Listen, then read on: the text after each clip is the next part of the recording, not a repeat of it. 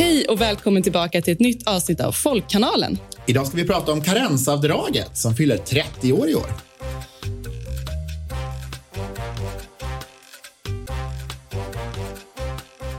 Vi är Folkkanalen. Vi struntar i det politiska spelet. I podden fördjupar vi oss i de riktiga problemen och ger lösningarna för vanligt folk. Jag heter Lina Stenberg. Och jag heter Peter Gustafsson. Och Det här är en podd som handlar om de riktiga frågorna. De som spelar roll på riktigt för vanligt folk.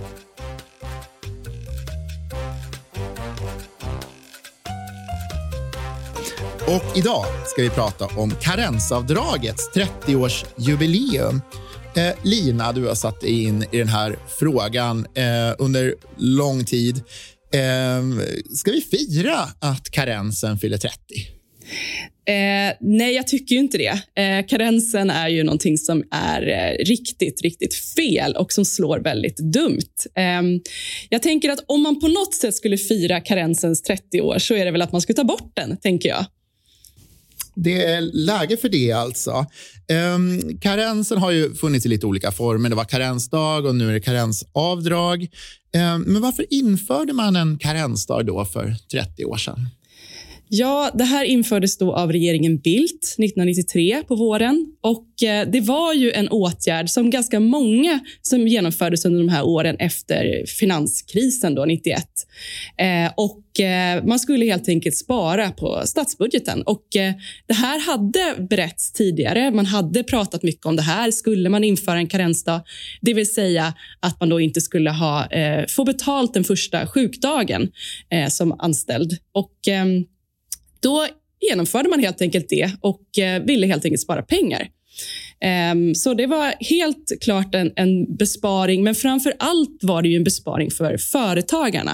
Eh, det var alltså inte kanske så mycket en besparing liksom i allmänhet för samhället, utan det var helt enkelt en, eh, kan man säga, en förskjutning faktiskt på arbetsmarknaden ehm, i maktbalansen mellan, mellan arbetstagare och arbetsgivare. Att där fick eh, arbetstagarna stå tillbaka. Eh, och Det är ganska mycket att då inte få alls betalt den första sjukdagen. Så det var en ganska stor, ganska stor grej och ganska impopulär. Men som sagt, det var för att det var under krisen och då gick det att genomföra. Men innan man införde karensdagen, då, då fick man alltså betalt den första sjukdagen. Ja, och det här är det normala. I, om vi tittar i Norden, vi är det enda landet i Norden som har ett karen, en karensdag, alltså som ens tänker så här. Eh, och eh, Tittar man också på eh, ett nordiskt, eh, ja, men en jämförelse så ser man att det här är inte någonting som som på något sätt eh, lönar sig i ett nordiskt perspektiv. Ehm, vi, är, ehm, vi har ungefär samma sjuktal som de andra nordiska länderna. Ehm, det går ungefär samma vågor. Men det som är väldigt tydligt är att det straffar eh, speciellt då låginkomsttagare eh, som, som får mindre betalt när man är sjuk. Men också då att vi ser att fler går till jobbet som är sjuka. Sen finns det väl också en, redan en självrisk i sjukförsäkringen. Man får ju inte 100 procent, eller hur? Nej, men precis. Då har man ju de första två veckorna som är eh, det är arbetsgivaren som betalar. Då, då får man 80 procent av lönen. Så att det är ju inte så att man liksom, eh, kanske heller som, som också regeringen Bildt, när, när man genomförde det här så hade man ganska mycket retorik kring att människor liksom maskade, att eh, människor höll sig hemma på måndagar efter helgen. Alltså det fanns en sån retorik som ganska mycket liksom skuldbelade eh, arbetstagare. Och, ehm, och, och ja, det, som du säger, nej men det är inte så att man liksom får full lön ändå. Eh, och Det får man inte heller i de, de, andra nordiska länderna. Så det här är ju bara eh, den här första dagen som det då var när man hade karensdagen. Det var ju verkligen bara en, en, en bestraffning helt enkelt. Men det var 30 år sedan och nu, nu är det 2023. Varför är det här en het politisk fråga nu? Ja, men det är ju intressant och jag tänker att eh, om man tittar på framförallt den fackliga rörelsen så är det här en jättehet fråga. Eh, och Det har varit det nu under några år. Att man faktiskt vill ta bort det här. Eh, och Det finns väldigt mycket forskning och statistik som, som ligger bakom argumenten i att, att helt enkelt ta bort det här. Och inte bara det här att som sagt, vi är ensamma i Norden, vilket i sig är ganska märkligt. Eh, och att man kan tycka att man har råd, alltså från både samhällets och företagarnas sida. Eh, men därför att man vet att eh, det här, det här skadar. Det, här, det, här, det straffar som sagt människor i deras ekonomi, men det skadar också människor i deras, alltså i deras hälsa. För vi vet ju alla att det är bättre att stanna hemma när du är sjuk. Du ska inte gå och jobba. Men det här är också en klassfråga och det här måste man ju verkligen betona att det handlar ju om de som inte kan vara hemma eh, och jobba hemifrån när man är lite förkyld. Eh, utan att man måste vara hemma för att kanske också man jobbar i ett kontaktyrke eller om man jobbar inom säg, äldreomsorgen. Att det är, man vill inte smitta någon heller. Man ska inte smitta någon. Um, och det här är, ja, men det slår väldigt snett. Uh, så att anledningen till att det, att det är en politisk fråga vi kommer tillbaka till coronapandemin eh, lite senare, tänker jag. Men, men det, är, det, det, går inte att förstå att det är en sån het politisk fråga om man inte liksom, förstår att vi liksom lärde efter corona. Eh, men också att vi ser att eh, det är, alltså som det är nu, jag, jag tittade på en, en, undersökning som genomfördes i februari i år, eh, som har frågat eh, ja, men olika grupper av människor om, om, hur ofta de går till jobbet trots att de är sjuka. Eh, och ungefär hälften av svenskarna säger att de gör det eh, någon gång, att man går till jobbet trots att man är sjuk. Men om man tittar på vissa grupper, man, alltså undersköterskor exempelvis är överrepresenterade och ensamstående eh, mammor eh, är det alltså sex av tio som går till jobbet regelbundet trots att man är sjuk. Eh, och jag tänker att det här är ju verkligen så här, det här, ska vi ha det så? Eh, så att, ja, nej, men det är väl egentligen, det, är väl egentligen liksom det grundläggande, i alla fall från liksom vänstersidan eller arbetarrörelsens sida i den här debatten. Kanske att du redan just svarar på det, men vem vinner och vem förlorar på eh, karensavdrag? Ja, men precis. Alltså, det är ju väldigt tydligt att eh, speciellt företagare som är ganska små företag eh, tjänar ju på att inte behöva betala den här dagen. Det är klart, det är ju en extra kostnad. Det, det är ju väldigt liksom, lätt att, att räkna ut att det, att det är så att skulle karensavdraget tas bort så, så är det en, en ja, men förlust. Så, det blir dyrare för företagen. Ehm, och Det är väldigt tydligt att det är en, alltså, verkligen tvärtom då vad gäller arbetstagarna. Men man kan ju också verkligen se att egentligen så förlorar ju hela samhället på att, att som jag sa, att fler går till jobbet när man är sjuka. Eh, men också att, man, att, att det helt enkelt också drabbar ja, men låginkomsttagare och att det på det sättet också verkligen försvårar för så många människor ekonomiskt. Ehm, ja, men som, eh, bara bara en, en, en återgång till temat för eh, avsnitt två när vi pratade om rapporten På arbetarkvinnornas bekostnad som jag, som jag har skrivit. Eh, där intervjuade jag en kvinna som är ensamstående och jobbar som barnskötare. Och hon berättade för mig att ja, bara dagen innan jag pratade med henne så hade hon känt sig jättedålig men kände att hon var tvungen att gå till jobbet och att hon alltid gör det när hon känner sig dålig. Eh, för att hon måste ha möjlighet att kunna vabba med sina barn. Det måste hon kunna prioritera. Att inte prioritera då att själv vara hemma när hon är sjuk. Och det är ju helt sjukt kan man tycka i vårt samhälle. Karensavdragen togs ju bort under coronapandemin som vi redan varit inne på. Så att de här 30 åren är med någon sorts paus däremellan. Um, vilka effekter fick det när man, när man tog bort avdraget? Ja, det intressanta är ju att lika mycket som att det var möjligt att genomföra det här för 30 år sedan när det var kris, att, att införa det här, att det var liksom inte större eh, vad ska man säga, kritik mot det för att alla på något sätt förstod att det behövdes. Lika överens var ju liksom partierna om att man behövde ta bort det under corona. Och Det var ju väldigt mycket för att det var så mycket larmrapporter om alltså framförallt äldreboenden men också inom vården. Att eh, ja, men personal helt enkelt som eventuellt var smittade eh, jobbade med personer som var sköra och var väldigt mottagliga för sjukdom. Eh, och Det var ju ja, men verkligen en sån eh, ska säga, väldigt dramatisk bild som jag tror fick ja, men alla partier att enas att det här måste bort. Vi måste, vi måste underlätta för människor att kunna vara hemma vid minsta symptom. För då var det ju det som också var rekommendationerna från Folkhälsomyndigheten. Eh, och det gjorde det ju verkligen också. Vi, vi såg ju det att när det här karensavdraget togs bort, då kunde människor vara sjuka på ett annat sätt. Sen ska vi säga att även om du får 80 procent av lönen och kanske är hemma i två veckor så går du ju back. Så det är inte så att du känner att det är fine liksom, på samma sätt. Men det är ju ändå en helt annan sak än den där. För säg att du bara är sjuk två dagar, men, eller en dag. Då har du ju en väldigt stor förlust i det.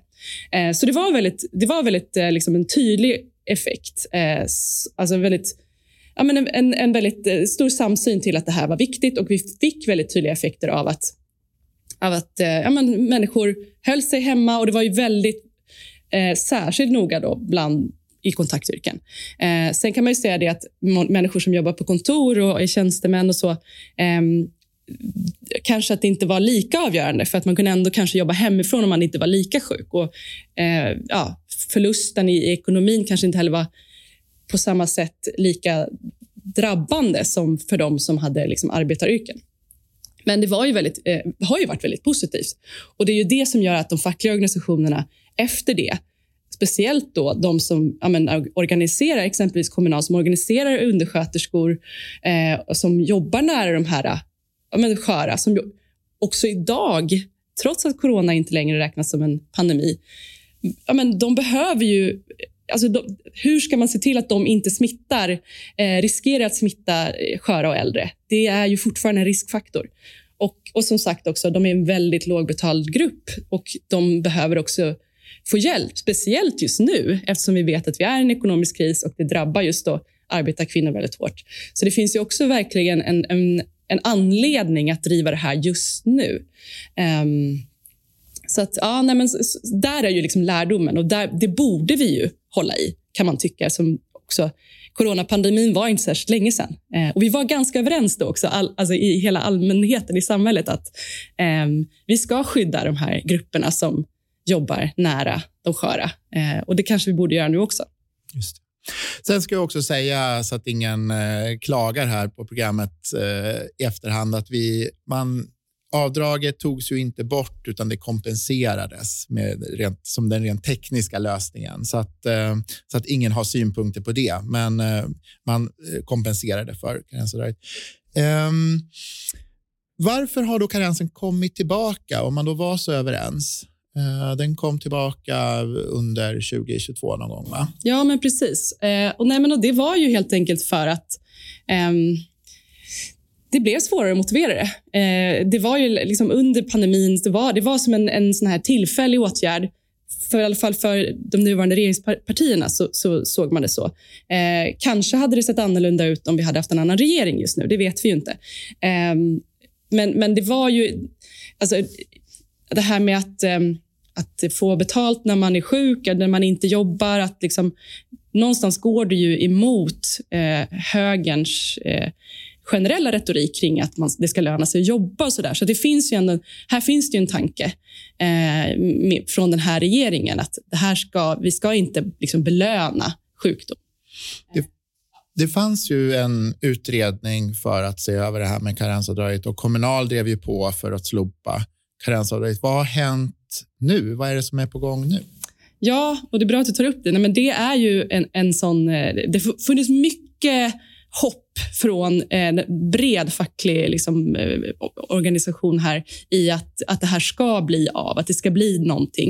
Eh, nej, men den här regeringen har ju lagt ner den. De har stoppat den utredningen och har istället då satt igång en egen intern utredning eh, för att istället eh, utöka karensavdraget faktiskt.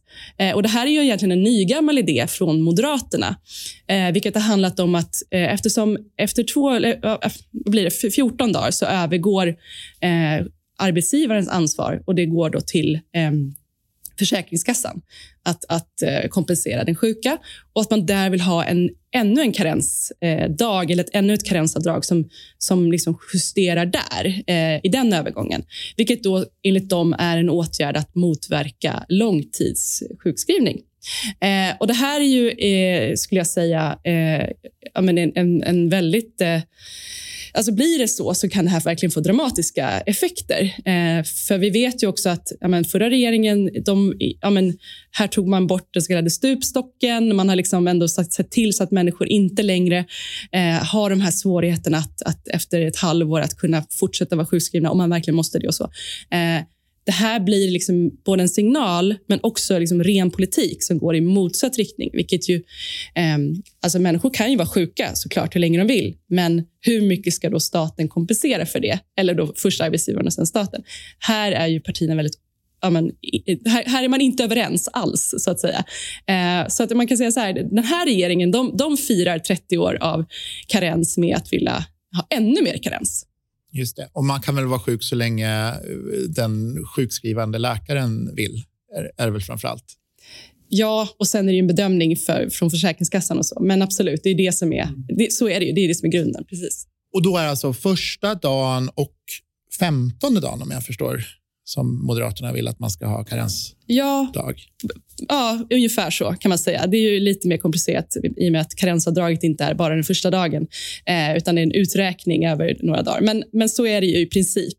Eh, så, så det, och det, vem vet, det kanske bara är första steget på att eh, ha ännu fler karensdagar eller ett ännu större karensavdrag på sikt. Eh, men det här är också en del av, av regeringens ehm, ja, men syn på det här med så kallat bidrag inom situationstecken eh, och att, ja, men som sagt arbetslinjen, men också att man vill ha ett, eh, ja, men ett så kallat bidragstak. Eh, så det här är ju en del av det. Ehm, människor ska inte kunna ta emot så mycket stöd eh, som man då skulle kunna, som skulle kunna konkurrera med att ha ett jobb. Det är deras argument. Det är mycket tekniska detaljer i det här, men det är bra att du är här och kan reda ut dem för mig och lyssnarna, Lina. Eh, en sista fråga då. Ehm, du säger att karensavdraget behöver tas bort. Om du ska ta den här hisspitchen, 30 sekunder. Varför ska karensavdraget bort? Håll ditt valtal. Nu håller jag mitt valtal. Eh, nej, men så här. Vi kommer aldrig få ett samhälle där alla har samma möjligheter om inte det också går att vara sjuk när man måste vara sjuk. Eh, alla har perioder i sitt liv när man mår dåligt och, eller drabbas av sjukdom av olika sätt. Eh, och det ska inte avgöras av vilken utbildning du har, vilken, vilken lön du har, om du råkar vara gift med en rik man eller vad det nu är. Att du ska, ha, liksom, att du ska kunna vara sjuk i lugn och ro. Utan det här måste vara någonting som, som samhället ser till att alla ska få möjlighet till. Eh, inte minst för att det här också eh, det här karenssystemet gör människor mer sjuka. Så det lönar sig inte i längden. Det drabbar bara och det straffar ut och är väldigt ojämlikt. Tack så hemskt mycket, Lina. Eh, och Det får avrunda det här avsnittet. Om du gillar vad du hör och så, så tipsa gärna andra om att lyssna och dela och rekommendera podden. Vi finns ju där poddar finns. Och lämna en kommentar, en fråga eller varför inte ett förslag på ämnen som vi borde prata om i podden. Ni får jättegärna ge oss ett fint betyg också på Spotify eller på andra såna här ställen där ni lyssnar. Folkkanalen finns på sociala medier, på Instagram, Facebook och Twitter. Ha en fin vecka, så hörs vi snart igen. Du har lyssnat på Folkkanalen, en podd för vanligt folk. Folkkanalen görs av Lina Stenberg och Peter Gustavsson. Och vi finns där poddar finns.